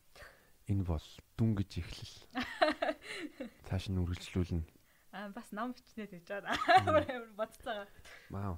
Болж штэ апп бичингүүтээ ном гаргаад Тэнгүүтээ дахиад сүлд нь motivational speaker болоо те. Тэгээд нөгөө замаар явчихгүй. Ингэдэ сүлд нэг нэг юу малайлагч эмэгтэй болоо те. Зүгээр нөгөө нэг мага яриад гэдэг юм болчихгүй. Би бас нэг тэгээд юм уу тэгээд. Ямар ч байсан гэхдээ нэг зөв мэдээлэл өгч байгаа хүмүүс бол тэгэхэд гимгүй штэ. Юу гэдэг яг мэрэгчлийн тий. Яг шинжилгээнд тулгуурсан хүмүүс нь яриахаа байгаад өнөөдөр Монголд за бүгдээрээ чимээгүй ингээд дараахан яваад идэг байхгүй юу? Гэсэн яг мэрэгжлийн биш. Хаа хамаагүй хүмүүс ингээл нэг инфлюенсерүүд гэдэг байгаа тий. Энэ хүмүүс ингээл амар их яриад байгаа. Тэгмүүд ийм юу мэдээлэлүүд хүчээ авах тусан тэр мэдээллүүд чи хуурамч мэдээллүүд хүмүүс тэрийг авч байгаа гэсэн тий. Тэрнээсээ илүү би бол аль болох мэрэгжлийн аль болох сурцсан тийм хүмүүс их ярьдаг байгаас гэж бодож байгаа. Уг нь тэгэх юм бол арай зөв мэдээлэлд очиж тий их яриад их мэдээлэл түгээдэг байгаасаа гэж бодож байна. Би ч өөрөө нэг хэсэг угаасаа тэгж түгээгээчгүй би чинь тэгэл ингээд те за яах ах за яах ах гэл ингээд явж байгаа. Аа тэгтээ ер нь бол тэгж ш хүн нэг мөрчлөгтэй шүү дээ те. Яг зөв юу мэрэгжлийн яг шинжилгээ тулгуурлах хүмүүс нь юм ярьж шүү дээ. За тэгээ ирээдүйд нэг 10 жилийн дараа манай уянга маань тий Монголын эрүүл мэндийн яамын сэтгэл зүйн салбарын сайд бол болвол бас тэгээ Монгол даяар 21 аймагт mindfulness болон траума траума хэмжилдэг. Тий. Тий. Одоо яг яг хоо сайд найд утганы яг хоо ямар ч байсан миний зорилго бол траума гэдэг ойлголттой байна тий. Энэ юуг вэ? Энийг түгэх яг энэ ойлголтыг түгээх дээрэс нэмээд энийг имжлэхт амьдралаа зориулах л тийм. Тэгээ mindfulness-аар имжлэх. Зөв. За төгсгөлд ер нь монгол хэл дээр сэтгэл зүйн танилцуул сэтгэл зүйн салбарыг танилцуулж байгаа чиний хамгийн дуртай номнуудаа бол нэрлээд өгөөч. Тэгвэл манай үзэгч нар бас Яана гэдэг. Монгол хэл дээр ном уншаагүй. Гэхдээ номнууд уншаагүй явж байна. Англи хэл дээр номнуудаа хэлж. Аа за. За англи хэл дээр бол зөндөө байгаа. За яг саяны түрүүний хэлсэн байж тээ body keeps the score. Body keeps the score. Наа чи бол аюу гой ном. Супер ном. Намыг чи уншсан. Аа юу mindfulness-ийг сонирхож байгаа хүмүүс юм бол Gold Stein-ий mindfulness гэдэг ном байдیں۔ Яг эхлэлийн нэг нэг бас нэг их юуг нь яаж хийх үү гэдгийг заасан. Тэр аюу сонирхолтой ном байгаа. Аа Sam Harris гэдэг хүн байдаг. Philosopher, neuroscientist сэтгэл зүйч. Тэр хүний аппликейшн байгаа яг mindfulness дээр. Тэр хүний life гэдэг ном гоё шүү. Тэр хүн уус айгүй лаг тийм. Тэгээ тэр хүний waking up гэдэг ном. Waking up. Тэгээд аппликейшн байдаг. Тэр аппликейшн дээр 50 ширхэг ийм дасгал байгаа. Яг го зарим юу 5-аас хойш subscribe хийдэг бах. Тэр хүн бол яг mindfulness-ыг айгүй гоё заасан, шижлэх ухаанчаар нь заасан юм байгаа. Монголчуудаа англи хэл дээр сэрцгээе. Тэрийг унш. Тэрийг тэр өстө гоё. Тий. Тэгээд өөр э, номнууд гэх юм бол зөндөл номнууд байна. Тийм яг тэр энэ гэхэд бол хэцүү. Траман дээр ч гэсэндээ ер нь бол яг эндээс эхлүүлээл цаашаа яаж болно. Трама дээр би бол хоёр ном зөвлөмөр байгаа. Нөгөө Peter A. Levine Trauma. А энэ хүн чинь бас юу яг гэвэл одоо бас биен дээр биенийхээ мэдрэмжээр анхаарах хэрэгтэй байна гэдгийг э, танилцуулсан. Peter Levine яг Траман дээр дэлхий дээр одоо яг алтартай нэг 2 3 хүн байна. Peter Levine байна. Gabor Mate гэж хүн байгаа. Аа Gabor Mate-ийг уншаарай нэрээс тэ янзын гоё юунууд номнууд. Ямар ном? Аа за яжаараа When the body says no гэдэг. When the body says no. За би бичээд авах юм. Аа айгуу гоё. Энэ энэ яг ном амар гоё ном санагдсан. Энэ яг одоо нөгөө хөгжлийн драма гэдэг байгаа шүү дээ. Энэ багасаа жишээ нь зарим хүмүүс ийм өссөн мэдэн шүү дээ. Аав ээж нь ингээл чи инг тэг гээл тэг. Тэнгүүт Э, нөгөө хүүхч болохоор айгу хариуцлага хүлээж авсан хүмүүс байдаг шүү дээ. Айгу сайн дүрд орсон хүмүүс юм л да тий. Хитрхи сайн дүрд орсон хүмүүс гэх тий. Бүх юм ингээл заа гэл ингээд бүх юм хийгээлээдэг тий. Би өөрөө миний тухай ярьж байгаа юм шиг сонсогдоод байна шүү дээ. Тэгвэл тий. Тэгвэл яг тэр драма гэсэн үг тий. Хитрхи сайн дүрд орсон хүмүүс бай тий. Тэнгүүт тэр сайн дурд орсон хүмүүс чинь болох юм бол юу хүн юу л шилэнгүү заа заа заа зэгээл хийгээл яваад идэг гэсэн үг. Өөрийнхөө мэдрэмжийг тэгээ өөрийнхөө юу хүсэж байгааг мэдхээ хэцэг гэсэн үг тий. Наам наам болсон. Би бол юу гэж ойлгоод байгаа юу л одоо тэгээ хэрвээ би а сайн хүү болоо тэгвэл одоо жишээлбэл намайг илүү хайрлна гэж ойлгож гэж ойлгож байгаа. Тэгсэн мөртлөө тэгтээ тэр хайрыг бол авч чадаагүй. А тийм болохоор насанд насанд насанд хүрч болонгуудаа би бас одоо тэ сайн иргэн сайн болох юм бол би хэрвээ сайн хүнд одоо сайн гоо эргээр хандаа туслаад итгээд байх юм бол тэр хүмүүс намайг буцаад харилна гэхдээ хүмүүс тэгдэгөө. А яг наач. Яг наад траманы юу гэсэн те. Тим хүн юу асуумс амар их байдаг байхгүй юу? Яг ингээ харахаар айгүй зүгээр ирүүл сайн гэхдээ доторх юугээ мэддгүү доторх нөгөө нэг уураа мэдхгүй өөрийгөө өөрийнхөө хамгаалтыг авч чаддгүй заагаа тавьж чаддгүй. Зааг тавьж чадахгүй. Тэгээд тим яваад ах тусам габормейт гэдэг өөрөө бол эмч заяа эмч хүн. Тэгсэн чинь тим хүмүүс аягүй ирээд Тэгсэн чи яасан вэ гэсэн чи тэр хүмүүс сүүл рүүгээ 40 50 таад болох юм бол юу тусч байгаа байхгүй канцер. Канцер ч хорт хавдар. Миний монгол хэл сайтарч байна. Миний монгол хэл юм би юм. Хорт хавдар тусч байгаа байхгүй. Тэгээд тийм хүмүүс ирсэн гэж байгаа. Чи яасан гэсэн чинь а яг үн сэтгэл зүй талбайд авахгүй тэр чинь явсаар байгаа тэр хүмүүс өөрийнхөө нөгөө нэг дархлааны системийг унтраагаад хааж эхэлсэн, дарж эхэлсэн, уураа дарж эхэлнэ гэдэг чинь дархлааны системийг дарж үг байхгүй. Тэгээд дарсаар агаад өөрийнхөө нөгөө нэг жоохон тэнэлэг гэх юм уу та тийм нөгөө нэг өөрөөрөө байдлыг байх болгоод тэгсээр байгаа тийм яаж гэсэн гээд тэгээд гол ингээд юуг нь бүр асуудлуудыг ухаад ухаад харсан чинь багийнхаа тэр нөгөө гэр бүлийн асуудалтай холбоотой байхгүй бас. Тэгээд яг энэ government when the body says no гэдэг номыг бичсэн. Тэгэхээр ийм хитрхи сайн дүр гаргаж байгаа тий сайн юунд суралцсан хүмүүс бол аль болох өөрийнхөө мэдрэмжийг мэддэг байх хэрэгтэй. Биетэйгээ холбогдоод би чи юу хэлхийг хүсэж байна, тий сэтгэлхөдлөж байна, ямар мэдрэмжтэй байна гэдэг чинь амар чухал байх хэрэгтэй, тий. Тэрийг зөв илэрхийлдэг байх хэрэгтэй гэд тэр талаас нь бичсэн. Айгуу гоё ном. Government-ийн бас нэг юу байгаа а донтолтой хүмүүс дээр яасан. Тэр номыг бас уншаар. Ер нь government гэж хайхад хамаагүй номууд нь гарч ирдэг. Тийм. Өөрөөр хэлбэл I was a good boy now I'm a bad boy. The bad trash. Зүгээр Э, яг government-ийн өнцгөөс цаг байна уу? Яаж тав? Болно болно цаг байгаа. За, government-ийн өнцгөөс яг ингэж байгаа байхгүй. Ер нь зөвхөн нэг хөөхөн яаж хөгждөг вэ гэвэл хүүхчин дөнгөж ингээл амьдралд төрөөлтэй. Ингээд өөрөө өөрийгөө илэрхийлэн тий, уйлан, янз бүр олон тий. Энэ бол өөрөөрөө байгаагийн шинж тий. А тэнгуут аав ээж нь яг тэрийг нь өгж өгч чадахгүй бол тэргээр нь хайрлах бол ч юм уу тий. А яг ингээд хэрэгцээгээ илэрхийлэхэд тэргээр нь хайрлахгүй бол тий. А тэр балансыг хадгалж чадахгүй аав ээж нь хитрхи өөрсдөө байгаад байгаа бол хүүхэд өөрийгөө өөрчилж эхэлдэг байхгүй өөрчлөн гэдэг маань өөрийнхөө мэдрэмжийг гаргахгүй гэсэн үг тий. Тэнгүүтээ ямар нэгэн хуурамч мэдрэмжүүд гаргаж эхлэх гэсэн үг тий а тэгэх угаасаа ёстой э, юу гэдгийг яагаад гэвэл тэр хүүхэд аав ээж нь байгаар нь тоохгүй бол э, эволюцийн хувьд бол өхөн ихгүй. Аав ээж нь амар чухал ихгүй тэр хүүхдэд. Аав ээж нь хайрлах чухал тий аав ээж таалагдах хэрэгтэй тий. Тэгээд тэр хүүхд өөрөө янз янз зан гаргаад жишээ нь аав ээж нь тоодоггүй бол өөрийн мэдрэмжийг тоодохгүй бол намайг яавал тоох бол гэж хүүхд янз бүрийн хэрэг хэрэг хийгээл. тэгэл яавал тоох бол ингээл янз янз юм сурна гэсэн үг тий. Тэгэл эсвэл одоо жишээ нь энэ сайн хүүхдүүд шүү дээ сайн хүүхдүүд бол за магадгүй би сайн дүр юм бол манай аав таалагдана гэд.